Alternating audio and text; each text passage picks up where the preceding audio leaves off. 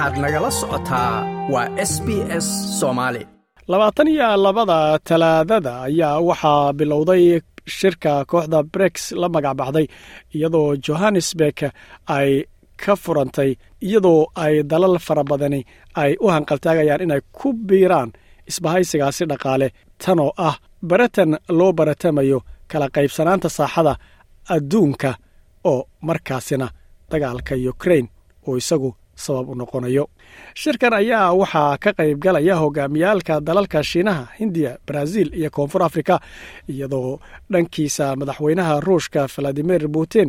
uu ku gaabsanayo kelimad dhanka videoga uu ka soo jeediyo sababo la xidhiidha arrinta maxkamadda dembiyada adduunka ee ay ku soo saartay in la xidho iyadoo loogu marmarsoonayo eedeyma kaga yimid dhanka dembiye dagaalo lagu soo oogay oo uu carruurta ukrain uu ka galay iyadoo shirkanna uu ku matelayo wasiirka arrimaha dibadda ee ruushka sergey lafrof shirkan oo saddex maalmood socon doona magaciisuna uu yahay brex iyo afrika ahmiyad gaara ayuu yeelanayaa. Kadib dagaalka ruushka iyo ukrain iyo weliba siraaca iyo loolanka dhanka siyaasadeed ee ay ku jiraan maraykanka iyo shiinuhu. Iyadoo dalalka xubnaha kaana ay haatan kor u qaadayaan odhaahyada ku saabsan caalam isagu waxaa loo baahan yahay isu dheelitiran ammaanna leh. Waxaana ugu yeedhaynaa bay dhaheen in la soo gebagabeeyo casriga halka dhinac ee keliya laga maamulo. Shirkan qodobada laga wada hadlaya waxaa ku jira suurtagalka in la ballaadhiyo mustaqbalka xubinnimada ururkan brex la yidhaahdo magaca haddaba brex waxa uu ka imanayaa xuruufta ugu horreysa ee dalalka xubnaha ka ah oo marka loo akhriyo luqada ingiriiska lagu akhriyo iyada oo brazil iyo russiya iyo indiya iyo china iyo koonfur afrika magacyadaasi bilowgooda la isku googooyey. Shirkan ayaa loogu yeedhay dalal lixdan iyo sagaala inay ka soo qayb galaan oo ay ka mid yihiin dalalka afrika dhammaantood. Waxaa kaloo dalalka qaarkood oo afrika ah ay muujiyeen in ay doonayaan inay ku soo darmadaan. Dalalkana waxaa ka mid ah algeria masar iyo etoobiya brex ayaa haatan waxa ay matalaysaa boqolkiiba labaatan iyo saddex dhanka ku saabsan wax soo saarka maxalliga ah ee guud ee caalamka iyo boqolkiiba afartan iyo labo dadka degaanka adduunka tiradooda iyo wax ka badan lix iyo toban dhanka tijaarada caalamiga ah ee la isdhaafsado. Shirka ka hor madaxweynaha koonfur afrika ramafosa ayaa waxa uu sheegay in waddankiisu uusan ku simbirirxanaynin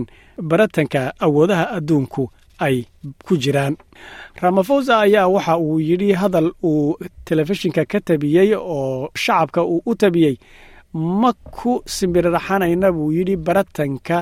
awoodaha adduunku ay baratamayaan waddankanaguna waxa uu ku socdaa siyaasadda aan dhanna u janjeedhin ramafosa ayaa waxa uu ku nuuxnuucsaday in uu caalamkan oo isagu haatan ay sii badanayso khatarihiisu iyo kala qaybsanaantiisa dhinacyada kala duwan la kala raacayo waxauna caddeeyey in koonfur afrika ay xoojinayso in la ballaadhiyo dalalka xubnaha ka ah brex si ay uga qayb galaan dalal iyagu doonaya in uu jiro nidaam caalamiya oo kan hadda ka dheelitiran. Shirmadaxeedka brikis ayaa waddamada haatan adduunka iyagu saamaynta ku leh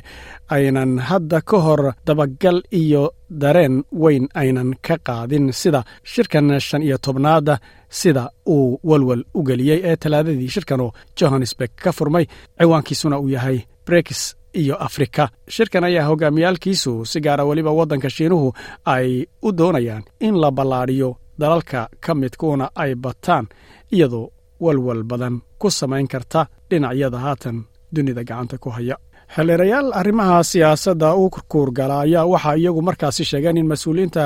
reer galbeedku haatan ay aad u dareemayaan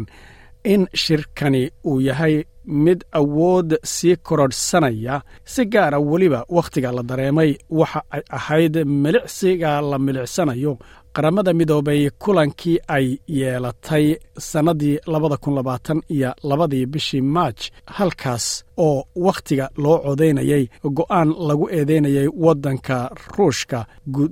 duulaanka uu ku qaaday waddankaasi ukrain ayaa waxaa ka aamusay afartan dowladood. Sidoo kaleete walwalka reer galbeedku waxa uu imanayaa in maraykanka iyo reer yuruba ay isku dayeen in ay kala jebiyaan iskaashigan soo ifbaxay iyagoo u yeedhay madaxda waddamada hindiya iyo sidoo kaleetaba brazil. Laakiinse wax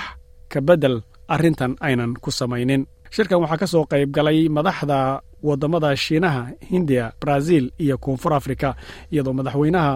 ruushku uu ku gaabtoomay kelimad la soo duubay oo laga sii daayay sababo la xidhiidha iyadoo maxkamadda dembiyada adduunku ay waaran soo saartay lagu daba joogo madaxweynaha ruushka sababo la xidhiidha dagaalka ukrain iyo dembiyo la sheegay carruurta ukrain in markaasi laga galay. Shirkana waxaa ku matalaya wasiirka arrimaha dibadda ee ruushka sergey lavrof